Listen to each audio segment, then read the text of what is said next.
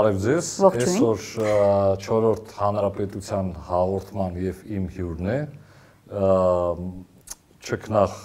Միկին, գեղեցիկ եւ խելացի, մարքետոլոգ եւ PR մասնագետ Հրաչուհի Միրզոյանը։ Բարև ձեզ։ Ողջույն։ Դուք երևի իմ առաջի հյուրն եք, որին որ ես դուքով եմ դիմում, որտեղ մենք այդքան լավ ծանոթ չենք։ Ըստ մեր ավանդույթի դուք պիտի գիրք վերածել եք մեզ նվեր։ Այո, բերել եմ գիրք, արդեն 5-րդ դեպքն է, երբ որ ես նվիրում եմ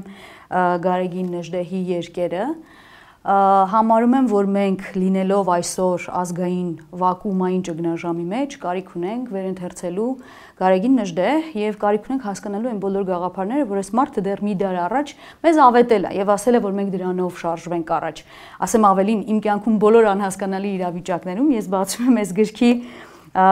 ասացվածքների հատվածը Բարիս բուն իմաստով ավետարաներ։ Ես ասում եմ որ ձեր պես կինը կբերել ունիսիոնի վետրը Իսկ դուք բերել եք Գարագին Չէ, ես կարծում այս սրանով մեր ազգային վերածննդի որոշակի հիմքեր կարող ենք դնել։ Համենայն դեպս չպիտի մերժենք այն, ինչ որ մեզ ավետել են եւ ժառանգել են մեր նախնիները ու ժառանգել են այսպես թանկ գաղափարներ։ Չէ, մենք չենք մերժի, բայց մերժելու տեղ չի։ Դրեք ստեղ ու խնդրեմ, նստեք։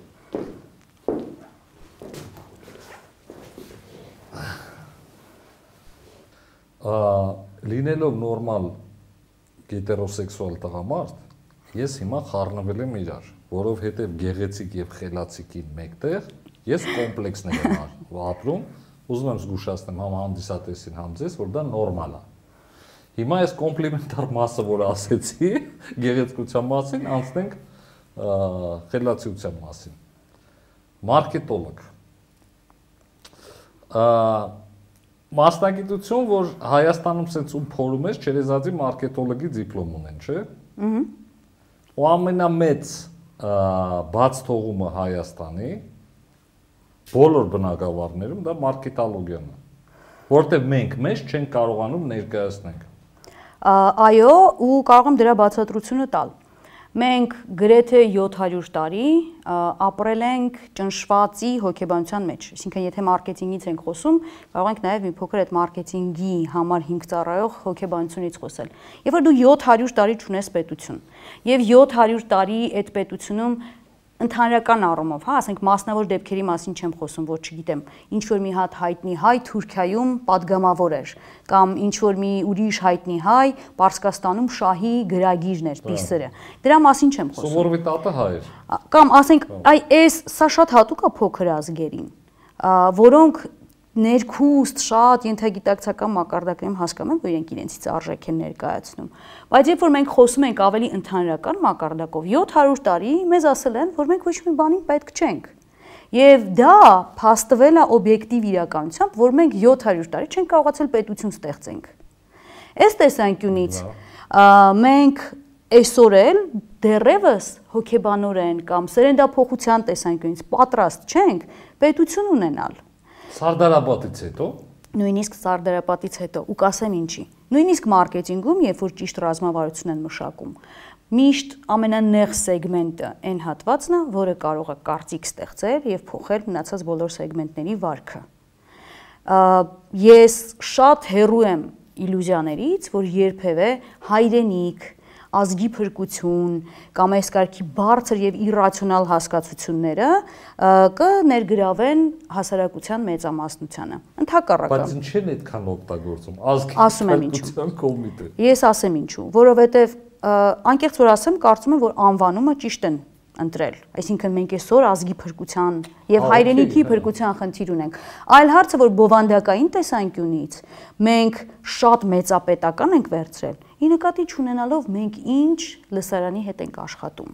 Մենք այսօր աշխատում ենք մի լսարանի հետ, որը ունի վախի եւ ամոթի զգացում, որ 2018 թվականին իրականացրել է այն, ինչից ինքը այսօր սարսափում է։ Ես գնահատականներ չեմ տալիս դրան, միայն կասեմ, որ PR-ի եւ մարքեթինգի տեխնոլոգիաները, որ կիրառվել են 2018 թվականին Հայաստանում եւ շատ ավելի վաղ այլ պետություններում, դրանք դասական տեխնոլոգիաներ են, որոնք կիրառվում են ցանկացած մարքեթինգային եւ PR-ական արշավում։ Ես Jim Sharp-ի մասին չեմ խոսում իդեպ։ Jim Sharp-ը մի փոքր ավելի խորացել է եւ տվել է կոնկրետ գործողությունների նկարագրությունը։ Ես խոսում եմ մարքեթինգային եւ PR ռազմավարությունների մասին։ PR-ի տեսանկյունից ինչ գաղափար դնել հիմքում, իսկ գաղափարական տեսանկյունից աշխատանքը շատ ավելի երկար է տարվում, քան մարքեթինգի ավելի կարճ որոշակի սպրինտային քայլերի հերթականությունը։ Իրենք շատ երկար աշխատել են գաղափարին ծնունդ տալու համար։ Եվ դրա համար է Որ թվականից մոտավորապես։ Ես կարող եմ իմ կյանքից օրինակ բերել, բայց եկեք դրանից խուսափենք, միայն ասեմ, որ ես 2004 թվականից արդեն տեղեկացված էի, որ Հայաստանում հատուկ ծառայություններ կան, որոնք իրականացնում են հետազոտություն հայ ժողովրդի մտածելակերպը հասկանալու եւ փոփոխությունների վրա ազդող գործոնները դուրս բերելու համար։ Այդ արևմտյան հատուկ, հա Հիմա նայեք հետաքրքիր է։ Մի քանի օր առաջ մի հատ քաղաքականագետ, որը որ 1000 տարի ճանաչում եմ, իսկ չգիտեի որ ինքը քաղաքականագետ է, որտեղ ես իրան իբրև ընկերոջ կին, ընկերոջ, սենց անձնականում գիտեմ։ Ասեց ես էլ 2005 թվականից, թե 8 ասում եմ, ես գիտեի որ Մոնտեի կերպարով մեր մոտ հեղափոխություն են անելու։ Դա շատ բնական է, որովհետև ես բոլոր նրանց ովքեր կուզենան հասկանան թե 2018-ին, ինչ որ առումով նաև 2008-ին եւ դրանից առաջ եւ այդ ընթացքում տեղի ունեցած բոլոր հեղափոխական վեենյաները, այսպես ասած, շարժումները ինչ ձևով են իրականացվում եւ ոնց են ազդում, բոլորին խորհուրդ կտամ նայել Սաբակը Վիլայետ Խվաստոմ ֆիլմը, որովհետեւ այնտեղ դեռ 1992 թվականին բացահայտվում է, թե ինչպես է Ամերիկայի կառավարությունը ինչ որ fake հեղափոխություն իրականացնում զուտ ռեյտինգի փրկման համար։ Այն ժամանակ ռեյտինգի փրկման համար էին անում, բայց տեսեք, այսօր աշխարհում Եթե ընդամենը նայում ենք տնտեսական որոշակի ոլորտներ, ես կնայեմ հենց փողի ոլորտը։ Կրիպտո արժույթի նկատմամբ հետաքրքրությունը եւ կոնկրետ բիթքոյնի տատանումները շատ տարօրինակ։ Խոսում են այն բանի մասին, որ մենք ֆինանսական աշխարհում շատ լուրջ փոփոխությունների ենք գնում։ Այսինքն, սպասում եմ։ Այն որ այն որ փողը ֆիզիկական թղթային փողը աստիճանաբար շրջանառությունից դուրս է գալու, նաև այլ ինդիկատորներ են փաստում։ Դուրս է հանելու են։ Մեր ձեռից փողը տանելու են։ Այո, դուք շատ հետաքրքիր բան եք ասում, իսկապես կա նման բան, եւ իմ էսեներից մեկի մեջ է այդ մասին գրել համաշխարհային կառավարման եւ դեգրադացիայի եւ դեգրադացիայի մասին։ Իրականում այո, այսօր ցանկացած քայլ նույնիսկ սոցիալական մեդիան աշխատում է այն բանի համար, որ մենք շատ ավելի կառավարելի դառնանք բայց հասկա ընդուն եւ հասկանալով թե ովքեր են կանգնած սոցիալական մեդիայի կառավարման այդ հետևում եւ թիկունքներում, կարելի է հասկանալ նպատակները։ Այստեղ մի հատ շատ կարևոր բան ասեմ ինչի շուրջ ես էլ շատ երկար եմ մտածել։ Մարտը իր բնույթով ցանկացած տեսակի փոփոխություն մերժում է։ Համենայն դեպս առաջին этаպում։ Մենք կոնսերվատոր ենք։ Եվ ես անընդհատ մտածում եմ, արդյոք այն փոփոխությունները, որ տեղի են ունենում, կամ այն փոփոխությունները, որոնք մեզ իսկապես պարտադրվում են, եւ դրանց ընդդիմանալը, այսինքն նաեւ այն ազգային ուժերի, այսպես ասած, խումբը, որ նաեւ փրկության կոմիտեն է եւ նաեւ այլ քաղաքական ուժեր եւ անհատներ, որոնք այսօր կանգնում են եւ ընդդիմանում են այդ փոփոխություններին։ Արդյոք մենք ուղակի այդ մերժման փուլում չենք եւ այդ փոփոխություններն իրականում լավ են։ Ես երկար եմ մտածել սրա մասին ու եկել եմ այն եզրակացության, որ ոչ։ Ու կասեմ ինչի ես էլ եմ շատ հեղափոխական մոտեցումների կողմնակից եղել, մանավանդ ավելի երիտասարդ տարիներին։ Բայց ես այսօր հասկանում եմ մի բան եւ ելի կցիտեմ հայրիկիս։ Ինքը նույնիսկ չգիտի, որ երբ որ դա ինձ ասում էր մեր խոսքի ընթացքում, դա ինձ համար կդառնա իմ կյանքի կրեդոն։ Բայց ես համոզված եմ, որ մշտապես ժամանակակից լինելու միակ իրական բանաձևը ազգայինն է։ Եթե մենք այսօր նայում ենք փոփոխություններին, որոնք մեզ պարտադրվում են, մենք կտեսնենք, որ դրանք իրականում այ հենց այդ պարտադրանքի պատճառով մի րոպե, մի րոպե։ 90-ականների սկզբից շատ մոդայիկ էր լինել տոլերանտ գլոբալիստ։ Ահա։ Դա ազգայինս ո՞րն է։ Հատկապես սովետական միության փլուզումից հետո եւ երկ բևեռային աշխարհը, որ դաթարեց սաղս իրար աղբեր ենք, պաճպրոշտի եւ այլն, ասում всё, գլոբալիզմ, մենք բոլորս մարդ ենք, մարդկային կյանքը ամենամեծ արժեքն է, բլա բլա բլա բլա։ Մենակ ես վերջերս հասկացանք, որ գլոբալիզմը եւ դեմոկրատիան դարավ գլոբալիստա դեմոկրատական ֆաշիզմ, այն ինչ որ մենք հիմա տեսնում ենք Ամերիկա, դու բացարձակ ֆաշիզմ է։ Ու հիմա կներեք, այս մայետնիկը եկավ հասավ այստեղ Հիմա գնում է հետ դեպի ազգայնական։ Այդ չի կատարվում։ Դա է կատարվում եւ դա շատ բնական է։ Եթե մարքեթինգի լեզվով բացատրեմ, ցանկացած գաղափար, ցանկացած արշավ, ցանկացած product, նույնիսկ ցանկացած մարդ ունի կենսացիկլ։ Դեմոկրատական արժեքների ճգնաժամը ի հայտ է եկել կամ արդեն տեսանելի սրանից դեռևս 20 տարի առաջ էլ։ Այլ բան է, որ մենք ուղղակի նոր էինք այդ ժամանակ մտնում այս աշխարհ, ավելի դեմոկրատական արժեքներ եւ այլն եւ չէինք պատկերացնում, որ մենք ուղղակի ընկել ենք հենց բուն ճգնաժամի մեջ եւ բնականաբար դեմոկրատական արժեքների հետ միասին նաեւ մեր տարածաշրջան եւ մեր ընտանիք միջև անգամ մտնում են կեղտոտ կամ աղճատված դեմոկրատական արժեքներ բնականաբար մենք այդ չէինք հասկանում, դեռ ճգնաժամի պիկին ենք միացել դեմոկրատական, այսպես ասած, արշավին դեմոկրատական արժեքների կամ լիբերալ արժեքների, չասեմ դեմոկրատական, որովհետև իրական դեմոկրատական արժեքների մեջ շատ լավ բաներ էլ կան։ Հա, վատ բան չի դեմոկրատ։ Լիբերալ լիբերալիզմն էլ է շատ լավ բան։ Այլ Սաղ կյանքս լիբերալ եմ։ Ամբողջ կյանքս։ Ես հիմա ձեզ ուրիշ հարց ունեմ, ասում եք մի հավերժ արժեքները դա ազգային է։ Այո։ Հավերժի նկատի ունենք մարդկային պատմություն, ասենք հին Հռոմից մինչև հիմա։ բայց բոլոր պետությունները փորձել են իմպերիաներ ստեղծել։ Այո։ Իմպերիան ազգային չի լինում։ Համաձայն եմ եւ փաստացի մենք խորհրդային միության ժամանակահատվածում թեև ունեցել ենք ազգային որոշակի զարթոնք, բայց հայկական ինքնության դագաղի վրա վերջին մեղնախփվել ենտեղ նաեւ ու բացատրել եմ դա նաև էլի իմ էսեներից մեկում։ Խնդիրն է, որ մենք այդպես էլ չենք սովորել պետություն ունենալ։ Մենք խորհրդային միության տարիներին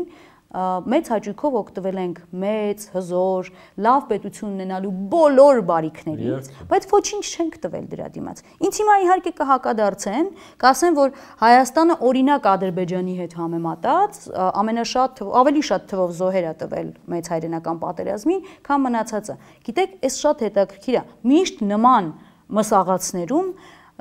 գնում է ազգի սերուցքը Ու դա ու դա մենք պիտի հասկանանք։ Միշտ դա պիտի ի նկատի ունենանք եւ միշտ պիտի ունենանք որոշակի բաժանում գաղափարական եւ մարտիկ տեսակների, որpիսի մեր ազգը կարողանա հարատևել։ Ու բոլորովին պատահական չի, որ նախաքրիստոնեական Հայաստանում հենց այդպիսի բաժանում էլ եղել է, այսինքն մենք ունեցել ենք առանձին ռազմիկների խումբ մարդկանց, Օրինակ տղաներն էլ աղջիկներն էլ ռազմիկներ են դարձել եւ ունեցել են առանձին քրմական դաս, որը մենք այսօր տենց իրենց բոբո ենք պատկերացնում, բայց իրենք փաստացի սակրալ գիտելիքի կրողներն են եղել։ Եվ եթե նույնիսկ ռազմիկները, մարտիկները գնում էին ամբողջությամբ կոտորվում էին, այս մարտիկ կարողանում էին սակրալ գիտելիքի միջոցով ստեղծել նոր սերունդը։ Այստեղ կգամ այն գաղափարին, որ այն ամեն ինչ ինչ որ Հայաստանում կատարվում է, իրականում կրթական ոլորտի խնդիրներից է առաջացել։ Ահա, եկանք, հասանք, ասում իջեք։ Ես կասեի ոչ թե կրթական, այլ քաղաքակրթական, ըստիս։ Նաև, բայց չէ որ դա գալիս է նաև կրթական որոշակի դեգրադացիայից։ Մենք պատրաստ եկեք ընդունենք, որ մենք համաձայն չեմ բացադրեմ։ Մենք կներեք բացադրեմ։ Ուրեմն էս այն հարցն է, որում որ ես բոլորը շատ մեղադրում եմ ձեր սերունդը, ձեր սերունդը միած սերունդ ներքև Այդքան համաձայն չեմ կրթականի հետ, որովհետև ես օրինակ կարամ հանեմ իմ հին սովետական բժշկական ինստիտուտի դիպլոմը։ Եթե ձեզ հարցնեմ, կարող եք այդտեղ երկու չիմադան դիպլոմ բերեք, կամ ամենայն դեպս ձեր սերունդի համար շատ բնորոշ է։ 3 հատ ինստիտուտ ավարտել, 4 հատ կուրս, 6 հատ արդինատ հետո ես իհարկե ռիսկ չեմ անի ձեր հետ մրցել, բայց ձեր ծերունդի 90%-ի հետ, որ խոսանք, ստացվում է իրանք ունեն ինչ որ абստրակտ գիտելիքներ, վիճելի իմիջայլոց, բայց ասենք ռեմարկ չեն կարտացել։ Ինչ եմ ասում ռեմարկ, ռեմարկը Մարկեսի իմ համար այդ աստվածներ են, էլի։ Ասենք ռեմարկի չեն լսել ինքը ով է։ Դրա համար ոչ թե կրթական, կարող է 16-ա դիպլոմ ունենաք, ու ասենք իմանաք highly likely-ն ինչ է, որ ես ես վերջերս իմացա։ Բայց ռեմարկ չեք կարդացել։ Այ դրանից է իմ կարծիքով խնդրեմը։ Ես կբացատրեմ ինչու։ Դավայց։ Ես այն սերունդն եմ, որը դպրոց է գնացել 25 րոպե դասերի պարագայում։ Ես այն 90-ականների։ Այո։ Ես այն սերունդն եմ, որի ռուսերենի ուսուցչին բարի բուն իմաստով քարերով լարում էին դպրոցից 90-ականների սկզբին։ Ես այն սերունդն եմ, որը իր կամքից անկախ հանկարծակի հայտնվեց ռուսական դպրոցներից անմիջապես մի օրվա ընթացքում անցման հայկական դպրոցների, հայկական կրթական համակարգի։ Իսկ դուք գիտեք, որ եւ մտածողության տարբերություն կա, եւ գիտելիքի տրամադրելու տարբերություն կա, եւ նաեւ կադրային խնդիր կա։ Լեզվային տարբերություն կա, լեզվամտածողություն։ Լեզվամտածողության տարբերություն կա։ Ես նաեւ այն սերունդն եմ, որը իր դասարաններում ընդունում էր Արցախից փախստականներին, որոշակի այո քաղաքակրթական տարբերությունները չկարողանալով մարսել, որովհետև Հա, դա շատ տարօրինակ կարող է թվա, բայց իմ դասարանում եղել է Բաքվից փախած երեխա, որին ծաղրել եւ նվաստացրել են, որտեղ Երևանցիները։ Այո։ Ինքը ատում էր Երևանցիները։ Բնականաբար։ Բնականաբար։ Ու այդ երեխան լինելով շատ ինտելեկտուալ, բնականաբար, որտեվ Բաքվում ամեն դեպքում մենք չենք կարող դա մերժել, այնտեղ լրիվ ուրիշ մտածողություններ, կարելի է ասել, նաև քաղաքակրթական էլիտա, որը հայեր էին իրականում մեծ մասամբ, հա։ Չէ, չէ, մեծ այնտեղ բոլորն էլ եղել են հայեր, ռուսներ, հрьяաներ, հույներ, ադրբեջանցիները կստացի ամենաքիչն էին այդ էլիտան։ Մենք այդ տնակի դա հետ խոսացել ենք, բայց Բաքվի էլիտան շատ բարձրորակ էլիտա էր Հիմա տեսեք, մենք այստեղ գալիս ենք հայկական քաղաքակրթական մի հատ շատ հետաքրքիր խութի։ Տեսեք, մենք ասում ենք, այ Բաքվի էլիտան շատ լավն էր Բայց մենք չենք տեսնում այն էլիտան, որը այսօր Հայաստանում տարբեր անկյուններում ինքը գլուխը կախ իր էլիտայի գործն է անում։ Եվ քանի որ մենք մարքետոլոգներս նաև եւ նաև լայն հասարակությունը այդ մարդկանց վրա ոչ մի ուշադրություն չի դարձնում։ Էլիտայի։ Այո։ Այդ էլիտան արժե զրկվում է այնքան, որ մենք չենք կարողանում նույնիսկ այդ մարդկանց հնարավորություն տանք ձևավորել։ Կոռեկտ լինենք։ Ուրեմն եկեք հասկանանք այդ էլիտան ով է։ առաջերտին ասեմ, իրական էլիտան հենց այդ 90-ականներին գնաց ներքին էմիգրացիա։ Եթե մենք անվանում են ավելի շատ անվանում են այսօր էլիտա, ըստ իս ինքը շատ ավելի ժեխա, քան թե հանրապետության հրապարակում հավաքվածները։ Հիմա տեսեք ինչն է շատ։ Էլիտա ումի նկատի ունի։ Տեսեք, մենք ուզենք թե չուզենք, հասարակությունն է գնահատականներ տալիս։ Այսինքն, ես անում եմ որոշակի մարքեթինգային արշավ, իմ արշավի հաջողությունը կլինի իմ այդ կոնկրետ արշավի ընթացքում վաճառվող ապրանքի գնումների քանակից։ Եթե էլիտա ձևավորող հասարակությունը, եթե այդ բուն էլիտան, որին պիտի տային գնահատական չկա, եւ գալիս արդեն իրանից ներքևի։ Գնել, չհասկացա, ով ում պիտի տար գնահատական։ Ասում եմ, հասարակությունը պիտի գնահատական տա։ Հասարակությունն ով է։ Հասարակությունը այն մարդիկ են, որոնք ասում են, որ ես, օրինակ, հողագործ բանվոր եմ, ես չեմ մասնակցում ոչ մի տեսակի գաղափարական, ազգապահպան, տտտտ գաղափարներին, այ այն մեկը, որ օրինակ մեր դպրոցի տնորենն է, այ ես իրան վստահում եմ, թող ինքը իմ փոխարեն էլ որոշում կայացնի։ Եթե այս ռասկլադի մեջ ենք նայում, հողագործը փաստացի կարկեց էլիտա դպրոցի տնորենին ինչը շատ բնական է եղել նաև խորհրդային միության տարիներին եւ ավելի նախկինում էլ, այսինքն բոլոր Հայաստանում հայկական մշակույթը նայելով նաև կարող ենք ասել, որ էլիտա են համարվել նրանք, ովքեր ունեցել են գրագետ խոսք, կարողացել են ձևակերպել իրենց մտքերը եւ դրա հետ մեկտեղ նաև մարդիկ, որ կարողացել են ստեղծարար աշխատանքով զբաղվել։ Այսինքն, եթե մի քիչ էլ վերադառնանք, դա ըստ էության եղել է հայկական քրմական դասը սակրալ գիտելիքի կրողը, որը հետագայում նաև այդ գաղափարով կարողացել է բերեցիք։ Մենք զրիվ մոզգը։ Մենք նոր չենք եւ մենք պիտի հասկանանք, որ 2021 թվականին միջին վիճակագրական հայի եւ Հայաստանի Հանրապետության առաջ կանգնած խնդիրները նույնպես նոր չեն։ Փաստացի Երբ որ ես այսօր լսում եմ, որ ասում են «Ա, դե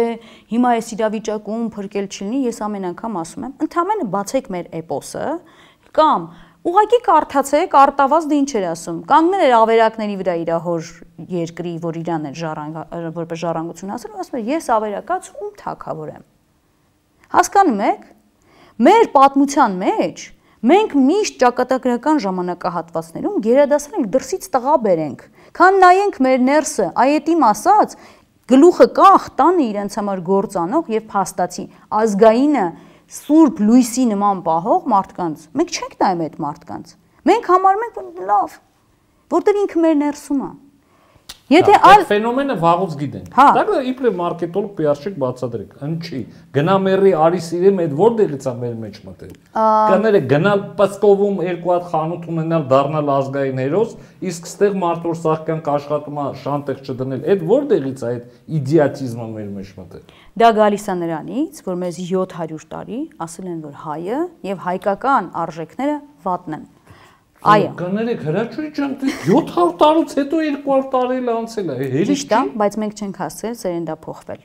Հիմա շատ տարօրինակ բան կարող է թվա իմ ասած։ Այո, 10 տարի չէ տանտերը։ 10 տարիա բիոլոգիական առումով, իսկ գաղափարական առումով մենք դեռ Ինչքան։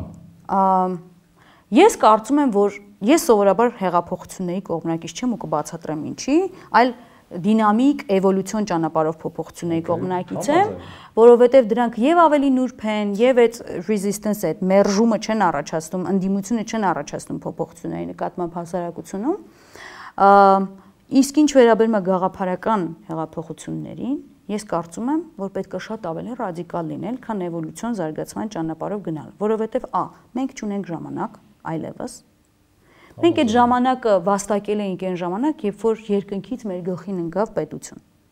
91 թիվ։ Այո։ Իսկ օրինակ Արցախում մարդիկ իրենց պետականության նկատմամբ ունեն բոլորովին այլ վերաբերմունք, քան մենք։ Ու դա շատ բնական է, իրենք պայքարել են, որպեսզի ունենան այդ պետականությունը։ Ու ես շատ ցավում եմ, որ Հայաստանի Հանրապետությունը այդպես էլ չկարողացավ Արցախի կառավարությունից սովորել պետություն պահելու ինչ որ ներքին համաձայնության մի բան։ Կներեք, էլի ինչքանով եք ճիշտ հրաչույ ջան։ Ես Արցախում բազում անգամ ասել եմ, որ если постоянно война, ну войдем в Россию и всё, да։ Այ դա ինձ համար ավելի խորը ազգային ճգնաժամի արձագանք է, որովհետև իհարկե կա։ Ես էլ Արցախում բավական հաճախ էի լինում, հայտնի պատճառներով վերջին շրջանում ոչ այնքան, Ցավոք սրտի ես կարող եմ ասել, որ Արցախցին, նույնիսկ եթե ասում եմ Վայդյոն в Россию, ինքը որում ռուսերեն ասում, հա, չէ՞, հա, այդպես ֆիքսել։ Լեզվամտածողության խնդիր կա։ Եկեք մենք չմոռանանք, որ հայերենը եւ ցանկացած ազգի, ազգային լեզու եւ այնքան բացառիկ լեզու ոնց որ հայերենն է, ինքը ձևավորում է ոչ միայն մեր աշխարհ հայացք, այլ ձևավորում է նաեւ մեր ապագան ու մեր ապագայի հանդեպ մոտեցումները։ Մենք այսօր ինքան ենք հեռացել մեր հայկականությունից։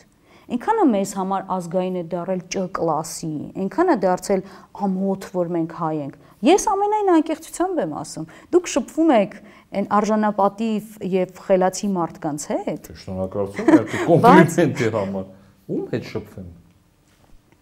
Հիմա ասեմ, նոյեմբերի 10-ից հետո իմ բազմաթիվ ընկերներ, որ միշտ իմացել են, որ ես ազգային գաղափարախոսության, ազգայինի կողմնակից եմ եւ բարբերաբար դրա մասին խոսել եմ, ինձ բարբերաբար զանգում են եւ ասում են, որտեղից սկսեմ ուսումնասիրել իմ ազգայինը։ Ես դեզ ասում եմ, համալսարանի դասախոսներ, ես ասում եմ բիզնեսում լուրջ հաջողությունների հասած մարդկանց մասին։ Ասում ապրող թե այստեղ։ Հայաստանը։ Մենք այսօր ազգայինի լրջագույն ճգնաժամի մեջ ենք։ Եվ փաստացի, երբ որ լիբերալ դեմոկրատական արժեք համակարգը իր ճգնաժամային պիկում մտավ Հայաստան իր հետ բերելով լիքը վատ բաներ, նաև այդ քամին իր հետ ինչ ասես բերում, ա քամին բերեց նաև մենք չունեինք ոչինչ, որ դրան որպես այլընտրանք առաջարկենք։ Հա, immunitет չունեինք։ Այո, իմունիտետ էլ չունեինք այդ 700 տարվա եւ խորհրդային միության վերջին մեխի պատճառով, միևնույն ժամանակ մենք մենք չենք պատկերացնում, որ մենք կարող ենք պետություն ունենալ։ Մենք ուղղակի պատրաստ չէինք դրան։ Թե հոգեբանական առումով, թե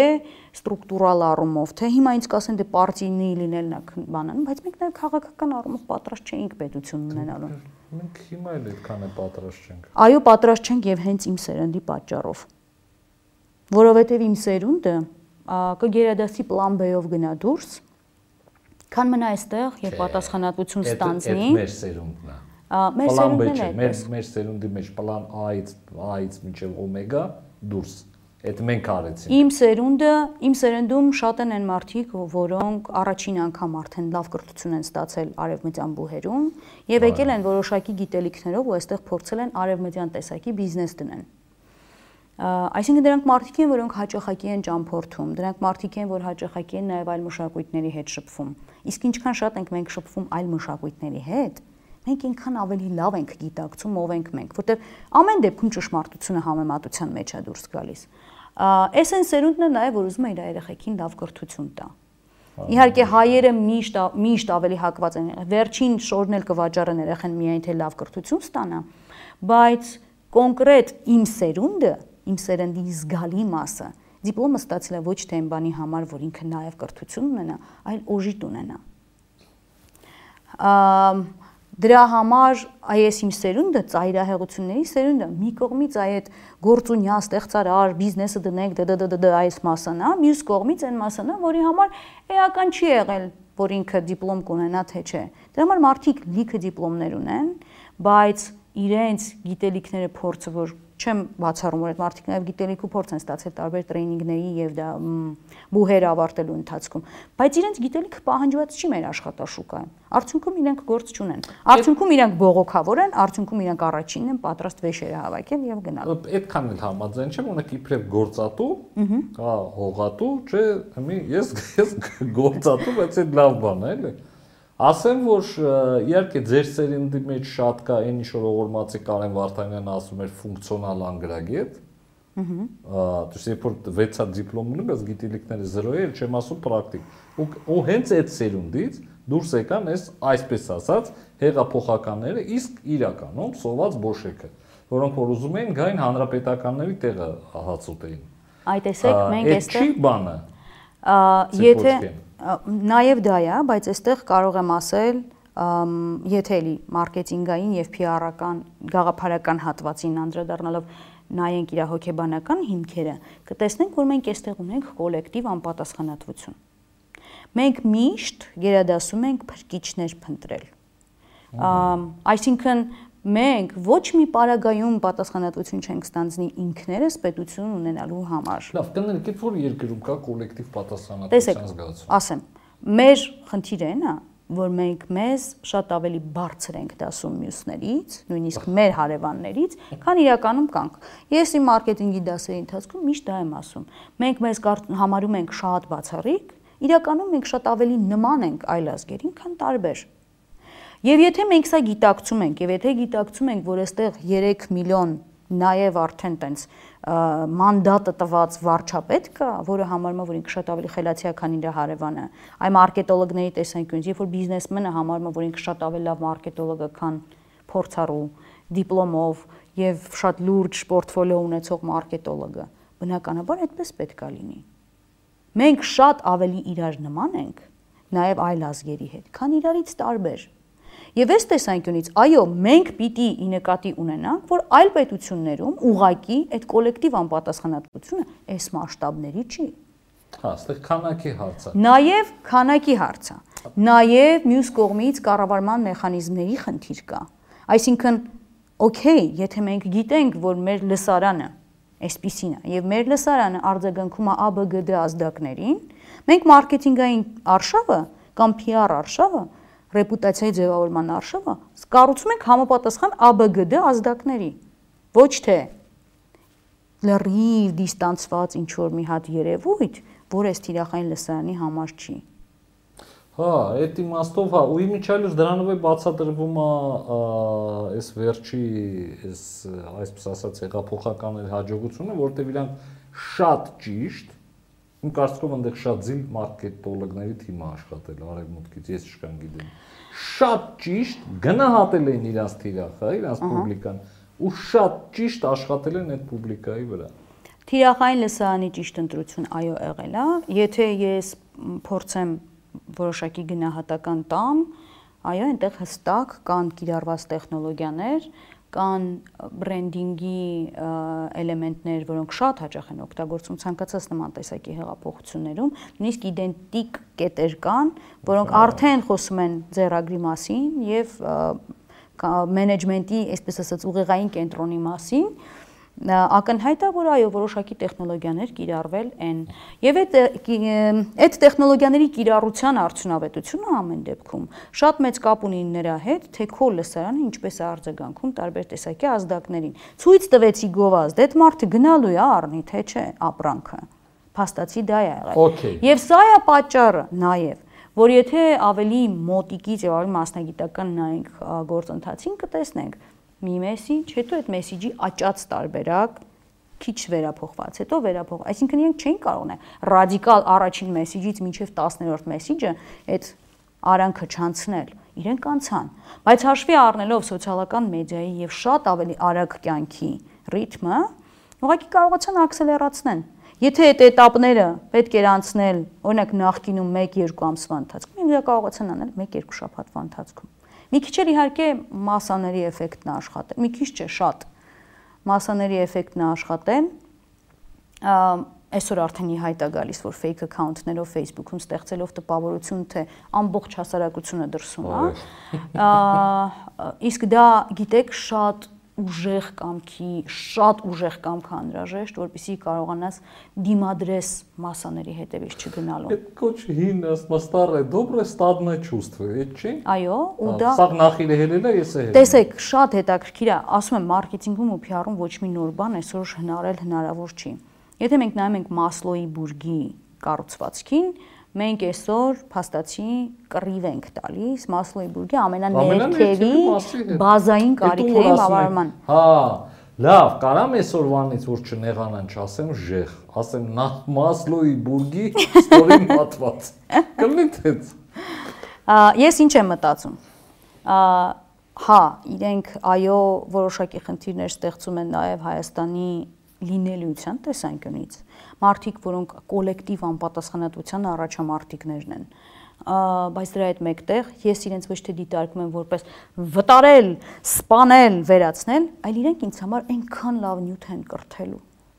Ես այնքան մեծ կրթելու թե ղեկավարելու։ Կրթելու։ Ես այսպես ասեմ, ցանկացած մարդ իր ալմա մաթերի նկատմամբ ունի հատուկ վերաբերմունք ցանկ մարդ ուզում է 15 հատ բու հավարտի, միևնույն առաջին բուհի նկատմամբ ունի հատուկ վերաբերմունք առաջին կրթական փորձառությունը, ինչի առաջին դասանը կարևոր չէ, բայց դրանից հետո արդեն հետագա կրթական этаպներում պետք է այդ մարդկանց սովորացնել, այդ մարդկանց պետք է զորով, բռնի ուժով բերել նստացնել լսարաններում եւ իրանց լեզվով սովորեցնել, գիտելիք տալ։ Իսկ գլսարան նստացնեք։ Եթե ինձ ասեք, որ այդ մարդիկ սկի տեղյակ չեն ինչքան հեշտ կառավարելի են, ես ես կծափահարեի ու մենք անցնենք Այո, այս մարդիկ, այս մարդիկ չգիտեն ինչքան հեշտ կառավարելի են։ Հիմա ասեմ, դուք էլ չգիտեք, թե դուք ինչքան հեշտ կառավարելի եք։ Չէ, իմ հետ մի քիչ դժվար է։ Ինձ գիպնոզ չեն կարողանում անել։ Ես միևնույնն է շարունակում եմ պնդել այն, որ մենք չունենք սեփական կարծիք։ Հա, չէ, փիլիսոփայական առումով ես Փիլիսոփայական առումով չէ, շատ պրակտիկ։ Իմ վրա եթե աշխատել, հա, ես կես տարուց շատ պրակտիկ, կես տարի չէ։ Արագ։ Շատ ավելի արագ։ Մարդուն, որpիսի միտքը իր համար լինի ընդունելի եւ ինքը որոշակի գործողության գնա, այդ մտքի հետ անհրաժեշտ է 21 3 տարբեր աղբյուրներից եկող կամ թվացial տարբեր աղբյուրներից եկող կոնտակտ։ Ես կարդացի այդ ձեր էսեն ու ճիշտ ասած չհավատացի։ Չէ, այդպես է։ Եթե հիմա այն ամեն ինչ որ ես ձեզ ասում եմ, շատ պատահական որևէ վեբսայթում դուք տեսնեք, Դրանից հետո ինչ որ ընկերոջ հետ քննարկման ժամանակ այդ միտքը փորձեք, հա, նորը sense բան էի լսում, sense բան ասեցին, Եվ այդ ամեն ինչի ընթացքում եւս մի քանի անգամ միևնույն միտքը տարբեր հարթություններում ծիկրակի ձեր աչքի առաջ, դուք ամիջապես դառնալու եք դրա հետևորդը եւ ունենալու եք հստակ վերաբերմունք դրան։ Ես ասեմ ավելի։ Բայց ես քանի որ դա գիտեմ, ես հիմա ամեն օր դրան ընդդիմանում եմ, չի օգնելու։ Չէ։ Դրա ընդդիմանալու միակ տարբերակը դեգրադացիայի հակաթույնն է, ազգային գաղափարախոսությունը այլընտրանքային իրականությունը։ Ասում եմ։ Որովհետև մենք շատ հաճախ չենք պատկերացնում, որ կա այլ տարբերակ։ Այսինքն մենք ապրելով, օրինակ, դուք եթե այստեղ նստած լինեք եւ ամեն անգամ գաք այստեղ ընդհանրապես չպատկերացնեք, որ այնտեղ դուռ կա։ Ոչ մի անգամ չպատկերացնեք։ Միայն ձեր անձնական հետաքրքրությունից դրթված կարող վարակույրեն կողմ տանեք ու տեսնեք, որ այնտեղ դուռ կա։ Ու այդպես էլ կարող է ձեր ամբողջ կյանքը ապրեք, չիմանալով, որ այնտեղ դուռ կա։ ազգայինը կամ իմ իմ տերմինաբանությամբ այլընտրանքային օրակարգը դեգրադացիայի հակաթույնն է։ Քանի դեռ մենք չենք առաջարկել դեգրադացիային հակաթույն, մենք չենք կարող ակնկալել, որ մեր հասարակությունը կփոխվի ընդհանրապես։ Եվ ասելով ազգակենտրոն գաղափարախոսություն է նկատի ունենք։ Տեսեք, ես ի նկատի ունեմ այն, որ հայ ժողովուրդը մեզ համար ծաղկունքի եւ վերածննդի միջնադարում տվել այնպիսի գիգանտներ եւ այնպիսի ուղենիշեր ապագա ազգային պետականության համար, որոնք մենք այսօր բանի տեղ չենք դնում։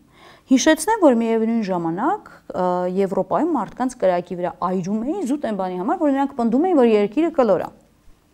Այդ ժամանակահատվածում մենք ունեցել ենք Մխիթար Գոշի դատաստանագիրքը։ Եթե դուք բացեք դատաստանագիրքը ու կարդաք, դա համարվում է աշխարհում առաջին սահմանադրությունը 13-րդ դար։ Դատաստանագրքում կետ առ կետ գրված է ամեն ինչ, թե ինչպես է պետք կառավարել պետությունը ինչպիսի հարաբերություններ պիտի լինեն ընտանիքում աղջիկ երեխաների իրավահավասարությունը տղա երեխաների հետ տեսեք սա միջնադար է ընդհանրապես ինչպիսին պետքա լինի հարաբերությունները հասարակության մեջ ինչպես են լուծվում վեճերը դուք հասկանում եք մենք ինչ ունենք ունեինք մենք մինչև այսօր ունենք եւ կկարողանանք դա եւս ունենալ եւ փոխանցել ապագա սերունդներին, եթե այսօր դրան նայենք։ Այս էլ ես մի օրինակ եմ բերում։ Ամերիկացիք լավ բառ ունեն։ Если вы такие умные, почему вы такие бедные։ Ա ես ասեմ մի հատ շատ Նարեկացի մխտար։ Ինչե՞ մեր վիճակս։ Շատ հետաքրքիր է։ Իրականում նաև համաշխարհային վիճակագրությունն է դա ցույց տալիս, որ ամենաապահով ֆինանսական նյութական տեսանկյունից աշխարհներում ամենամեծ հոգևոր ճգնաժամերը կան։ Ոստի նրանք զարգացման որոշակի աստիճանում կանգ են առնում։ Ասեմ ավելին, մեզ մի քիչ անհրաժեշտ է սոված լինել, որpիսի մենք կարողանանք անընդհատ զարգանալ։ Շատ հետաքրքիր է, բայց եթե մենք նայում ենք հայ ժողովրդի պատմությանը, բոլոր այն ժամանակահատվածներին, որտեղ մենք նեղվածքի մեջ ենք եղել, այն ճնշումը, որ կա, այդ ճնշման ժամանակ ա եղել, որ էլի ոնց որ իմ էսեյում գրել եմ, ածուխները դարձել են ադամանդներ։ Այդպես է։ Okay, ես համաձայն եմ դրա հետ։ Լավ, Նայեք, այս հաղորդումը կոչվում է 4-րդ հանրապետություն, որտեղ իմ թեորիան է, որ 3-րդ հանրապետությունը մենք տապալեցինք, տանուլ տվեցինք ու դուք ահակին այսօր բացադրեցիք, ինչի դա կատարվեց, որտեղ մենք տուպը չէինք ուզում այս հանրապետությունը։ Հիմա ես նենց հուսով եմ, որ այս կապիտուլյացիայից, այս հայտարարությունից հետո, այս դավաճանությունից հետո մենք վերջապես կուզենանք, որտեղ կորցնելով, փաստորեն կորցնելով պետականությունն ու պետությունը, ինքնիշխանությունը։ Իմ կարծիքով մենք նոր ենք սկսում հասկանալ, թե որ այդ պետությունը ինչքան լավ բան է։ Հասկանում եք, էլի գնամերը արի սիրեմն է։ Այսինքն պետությունը պիտի կորցնես, որ հասկանաս դրա արժեքը։ Դե այդ արդեն համամարտկային է, ասում եմ, ինչև չկորցնես, չես գնահատում եւ այլ։ Արա լավ, Աստված մեր, դե մենք էլ ենք Homo sapiens վերջը վերջը։ Ես այս հարցը ուզում տամ Ինչի հիմա, չնայած այդ հարցին դուք պատասխանեցիք, որ պետքա ազգային գաղափարախոսության վրա կառուցել ապագա 4-րդ Եթե թույլ կտակ համալարեմ։ Ա Եթե մենք ուզում ենք ունենալ իսկապես պետականություն, որը կհարատևի, այստեղ մի հատ ռեմարկ անեմ, եթե մենք նայում ենք այսօր աշխարհի քաղաքական քարտեզին, կտեսնենք, որ բոլոր այն պետություններն են ի վիճակի գլոբալիզացիային եւ իր կողմից եկած վատ կողմի, որտեղ գլոբալիզացիան նաեւ լավ կողմեր ունի։ Այդ վատ կողմերին դիմագրավել Նրանք են, որոնք ունեն ազգային ավանդույթի վրա հիմնված պետականություն։ Չինաստան, Հնդկաստան, Իրան, այսինքն բոլոր այն պետությունները, որոնք ունեն որոշակի ավանդույթ պետություն կառավարելու եւ պետություն ունենալու որոշակի ավանդույթ ու դրա վրա մնացել են։ Այն նրանք կարողանում են դիմագրավեն գլոբալիզացիայի վատ կողմին։ Իդեպ Չինաստան օրինակ հրաշալի կերպով օգտվում է գլոբալիզացիայի լավ կողմից։ Ու սա շատ լավ մոդել է, ինչպես կարելի է սոցիալիստական գից կապիտալիստական պետական այո, այսինքն այս տեսանկյունից ինչպես կարելի է այդպիսի հզոր պետականություն ստեղծել, փաստացի Չինաստանը վերջին մի 30 50-ից 30 տարվա ընթացքում է դարձել լուրջ գործոն եւ վստահեցնում եմ ձեզ, որ առաջիկայում Չինաստանը շարունակելու է այդ գործոնը լինել։ Եվ սրա մեջ կապ ունի այն, որ տնտեսությունը սովորաբար ունի իներցիոն բնույթ։ Այսինքն այն ինչ որ իրենք այսօր արել են, եւս մի 10 տարի դա վայելելու են։ Եվ սա էլի մեր համակարգացիներին ասեմ, սա նշանակում որ այո, եթե այսօր վատ է, սա եւս մի քանի տարի Լավագույն դեպքում 3 տարի, եթե հրաշք տեղ ունենա, շարունակվելու է։ Լավ լուրջ ունեք մեր համար։ Լավ լուր ունեմ։ Մենք կունենանք հզոր պետականություն այն ժամանակ, երբ որ մենք մարքեթինգի տեսանկյունից եւ PR-ի տեսանկյունից կսկսենք հային եւ հայկականությունը նկատի ունենալով նաեւ իր բոլոր վատ կողմերը դավաճանություն եւ այլն եւ այլն մենք շատ ունենք ամեն դեպքում մենք տենց ստերիլ իդեալական չենք երբ որ մենք հայը հայ լինելու գաղափարը կսկսենք խթանել որպես բարձրագույն արժեք ես ֆաշիստական գաղափարախոսություն չեմ առաջ տալիս ես ընդհանրապես ասում եմ որ նայեք ձեր ներս ու տեսեք դուք ինչ ժառանգության կրող եք ես վստահ եմ ասում ամեն ազգ չի որ սա ունի բայց որpիսի մենք դա իմանանք այ այն դուրը ժառանգությանը նայենք տեսեք դուք ինձ տանեք գուշ չէ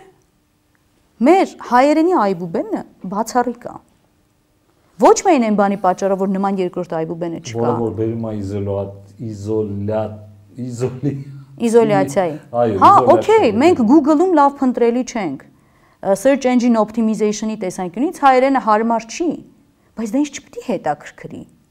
Ես եւ պիտի իմանամ Google-ի հետ հարմար կոմունիկացվելու տարբերակները ժամանակակից աշխարհում, բայց դա ոչ մի տարբերակով չպիտի գերադասեմ իմ ազգայինից։ Չի նշանակում, որ մենք անպայման պիմանանք հայերեն ու մի հատ էլ լեզու։ Առանց Որտեւ հիմա այդ 20 տարեկանների մեջ մոդա չի երկրորդ լեզու իմանալը։ Այդպես չի։ Օրինակ իմ երեխաները 5 լեզու են խոսում։ Քեզ բան։ Չէ, իրականում այդպես չի։ Այսինքն այսօր միայն այն, որ դպրոցում պարտադիր է ռուսերեն եւ անգլերեն լեզուների ուսուցումը, պարտադիր է անկախ Հայաստանի Հանրապետության որ դպրոցի մասին է խոսքը։ Դա արդեն խոսում են, բայց որ երեխեք սովորում են։ Ձեզ ասեմ ավելին, հենց իմ սերնդի ծնողների մեջ շատ մեծ հետաքրքրություն կա չինարենի այդ մանդարին դիալեկտի նկատմամբ եւ բավական ինտենսիվ սովորում են։ Այսինքն, այո, ես չեմ կարող ասել, որ դա հասարակության մեծամասնությունն է չեմ կարող ասել։ Հա, իդեպ ասենք այն մեծամասնությանը, որ մեծամասնությունը գիտեք, այդ շատ քիչ։ Ես ասեմ մի բան, Ինձ չի հետաքրքրում իմ երեխան քանի լեզու կխոսի, եթե ինքը հայերեն լավ չի խոսում եւ հայերեն լավ չգիտի։ Որտեղ մնացած ամեն ինչը էական չի։ Ինքը այսօր կարող է Google Glass դնի եւ ցանկացած օտար լեզու կարողանա իրեն հասկանալի լեզվով ընկալի։ Այսինքն տեխնոլոգիաները հնարավորություն են տալիս մեզ եւ մոտենալ, եւ միաժամանակ հեռանալ մեզանից։ Եվ այստեղ է, որ մենք պիտի այդ կամքը դրսևորենք, եւ մեր լինելիությունը, մեր ինքնությունը չստորադասենք տեխնոլոգիաներին։ Դուք հասկանում եք մենք ինչ պայքարի մեջ ենք։ Մենք փաստացի այսօր ոգին դեմ ենք դրել կոմպյուտերին եւ արհեստական բանականությանը։ Փաստացի քաղաքակրթական իրական պայքարը այդ դաշտում է քաղաքակրթություն եւ արհեստական քաղաքականություն բանականություն եւ արհեստական բանականություն բայց այդ եմ ասում մենք այնքան հեռու չենք այդ գլոբալից ինչքան մեզ թվում է եւ դրան Դրան դիմակայելու միակ տարբերակը քո այլընտրանքային օրակարգը ստեղծելն է։ Ինչպես Հնդկաստանը, ինչպես Իրանը, ինչպես Չինաստանը եւ այդպես շարունակ։ Բոլոր են պետությունները, որոնք ունեն Այլընտրանքային ազգայինն է։ Այո։ Որովհետեւ ազգայինն է, որ բովանդակություն է լցնում։ Ինչը շատ հետաքրքիր է։ Եվ այդ բովանդակությունը, խնդրում ինձ ճիշտ ընկալեք, էլի։ Ես ոչ թե ասում եմ, որ մենք բոլորս տարած հակնենք, բայց իմ պիրսինգները ինձ չեն խանգարում լինել ազգային։ Ոչ մի պարագայում։ Որովհետև ազգայինը որպես ցանկացած գաղափար շատ ներքին եւ ինտիմ ինչ որ մի բան է։ Մենք այդա կորցրել ենք պատմության քարողիներում։ Մենք այդա լցրել ենք այդ վակուումը, որ ազգայինի մեր մեջից դուրս է եկել եւ մենք դրա տեղը դատարկությունն է։ Դրա համար ցանկացած տեխնոլոգիա, ցանկացած մարքեթինգային ազդակ, ցանկացած PR-ական արհեստացին գաղափարի, չգիտեմ, ճանապարհ ուղիղ գնում է դեպի այդ վակուումը։ Դուք հասկանում եք սպիտակ թղթի վրա ինչ ուզենք դա էլ կգրենք։ Եկեք մերը գրենք, ինչ ենք դեպի դուրս նայում։ Առաջինը սա, այսինքն ես պատկերացնում եմ, որ մենք ազգային ավանդույթի, իդեպ էս ասեմ, էլի ոչ թե ազգայնականության, այլ ազգային ավանդույթի վրա հիմնված պետականություն պիտի ստեղծենք եթե մենք ուզում ենք ընդհանրապես պետություն ունենանք 21-րդ դարում, որովհետև ես տեսություն ունեմ, որ մենք մի 30 տարուց ընդհանրապես սահմաններ չենք ունենալու, եւ մյուս կողմը Էդ ինչ ասեցիք։ Հա, եւ մյուս կողմ, մյուս բաղկացուցիչը, եթե մենք ուզում ենք ընդհանրապես պետություն ունենանք, պիտի բոլոր հայ աղջիկներին ծնված առաջին օրվանից սովորեցնենք լինել ճիշտ մայր Եվ միայն դրանից հետո մենք իրապես կկարողանանք գալ ազգբանակ գաղափարին, որը իրեն կենսականորեն որպես արդյունավետ ապացուցել է մի շարք զարգացած պետություններում։ Այսինքն իմ պատկերացումը հետեւյալն է. հասարակական կառավարման տեսանկյունից դա ազգբանակն է, եթե ավելի պրիմիտիվ ասեմ, դա դիսցիպլինան է ամեն մակարդակում, այսինքն դա իսկապես չի նշանակում, որ մարդիկ ավտոմատներով պիտի փողոցում քայլեն կամ զինվորական համազգեստով լինեն։ Ազգ բանակը ավելի շատ կառավարման մոտեցում է։ Դա առաջին հերթին դիսցիպլինան է, որոշակի հիերարխիան է, պահպան, որը անպայման պետք է պահպանել եւ որը ճշտապահություն է ենթադրում առաջին հերթին ասացի եւ արածի միջև։ Այսինքն դու անպատասխանատու բաներ այլևս չես կարող անել։ Եվ մյուս բաղկացուցիչը ազգային ավանդույթի վրա հիմնված պետական կառավարում։ Այսինքն հասկացաք, չէ, հասարակական կառավարումը ազգբանակն է, պետական կառավարումը ազգայինն է։ Ուրեմն հենց այնպես չէր իմ կոմպլեքսները գեղեցիկ եւ խելացի ոչ հանդեպ թույլ տվեք սրանով երևի որտեվ էս էլ է շատ էս օրինակ եթե ես հանդիսատեսում եմ ու ես անպայման ես ինտերվյու մի երկու անգամ եմ նայելու որտեվ այն բանը передавка է էլի ինֆորմացիայի ես շատ ուրախ եմ կարելի ասել երջանիկ եմ որ մենք ծանոթացանք ես օրինակ նորին ասեցի ինչի համար եմ սիրուն Երևանը մարդկանց համար ես շատ հուսով եմ, որ մենք իրար հետ ու դուք անպայման ամենաակտիվ կերպով կմասնակցեք այդ մեր 4-րդ հանրապետությունը կառուցելու համար։ Գիտեք, հիմա այստեղ էլ մի հատ հետաքրքիր հայտարարություն անեմ։ Երբևէ քաղաքական հետաքրքրություններ չեմ ունեցել այն բանից հետո, երբ որ ժուրնալիստիկային ասել եմ ցտեսություն ունեցել եմ դրա համար շատ հիմնավոր պատճառներ եւ երբևէ չեմ էլ մտածել, որ այ քաղաքական որևէ պաշտոնի հավակնություն է։ Ես ձեզ առաջարկում եմ լինել մեր Դենսիաոպինը։ Իդեոլոգը։ Շատ շատ շնորհակալություն։ Ես էլ եմ շնորհակալ։